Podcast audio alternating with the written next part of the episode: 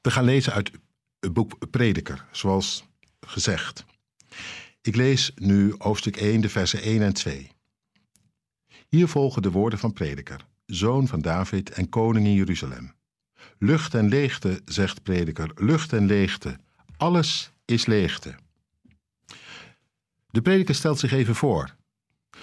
Hij noemt zich zoon van David, koning in Jeruzalem. Logisch dat in de traditie natuurlijk vaak gedacht is aan Salomo, de zoon van David, opvolger ook. Toch is het niet helemaal waarschijnlijk dat dat hele boek zomaar op zijn naam gezet kan worden.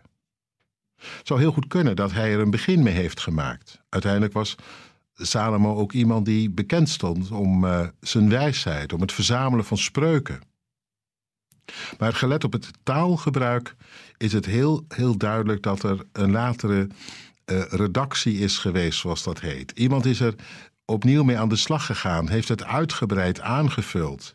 Eén ding is heel zeker, wie het ook heeft geschreven. We geloven dat door alles heen de geest van God erachter zit, achter dit boek. En daarom is het zo mooi dat het Kohelet heet. De prediker. Dat betekent iemand die uh, de verzamelde gemeente toespreekt volgens het Hebreeuws. En wie dat dan precies geweest is, nou ja, dat is van minder belang. De boodschap, daar gaat het om. In ieder geval, die prediker is overtuigd dat hij in Gods naam iets te zeggen heeft, iets wat ertoe doet. Nee, het is niet gelijk een heel vroom verhaal, maar wel een hartstochtelijk betoog. Waarin, hij zijn gehoor één ding duidelijk wil maken. Het leven zoals het zich aandient is bij lange na niet zo zeker als je zou wensen. Hij valt met de deur in huis, zet in één one-liner gelijk onomwonden uh, neer waar hij van overtuigd is. Lucht en leegte, lucht en leegte, alles is leegte. Hevel staat er in het Hebreeuws. Dat betekent zoiets als ademtocht, zucht. Dat is het. Alles, zegt hij. Nou, zo voelt het niet altijd, hoewel bij momenten kan de waarheid ervan wel even tot je doordringen. Bijvoorbeeld nu na de vakantie.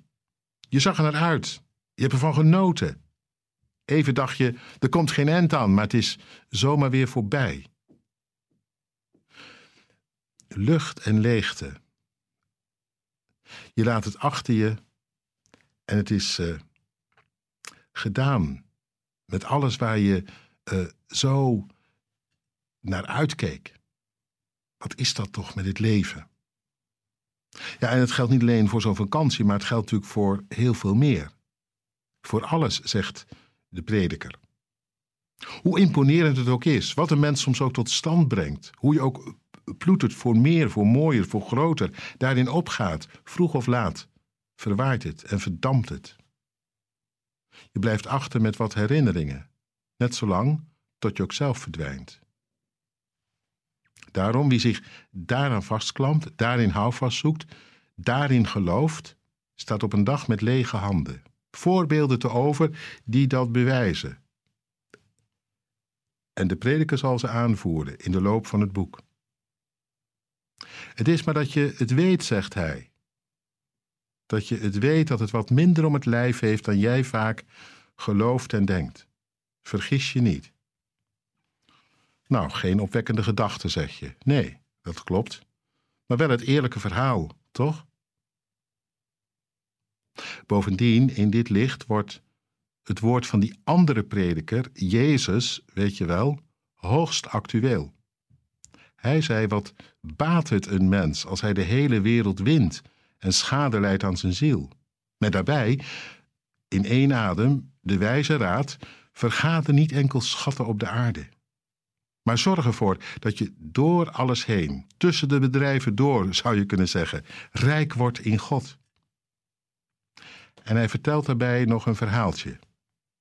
Een plaatje. Bij het praatje, zo gezegd. Van die boer, die ondernemer, die dacht dat zijn kostje was gekocht en toen, onverwacht, in de nacht, midden in zijn zoete slaap, de laatste adem uitblies.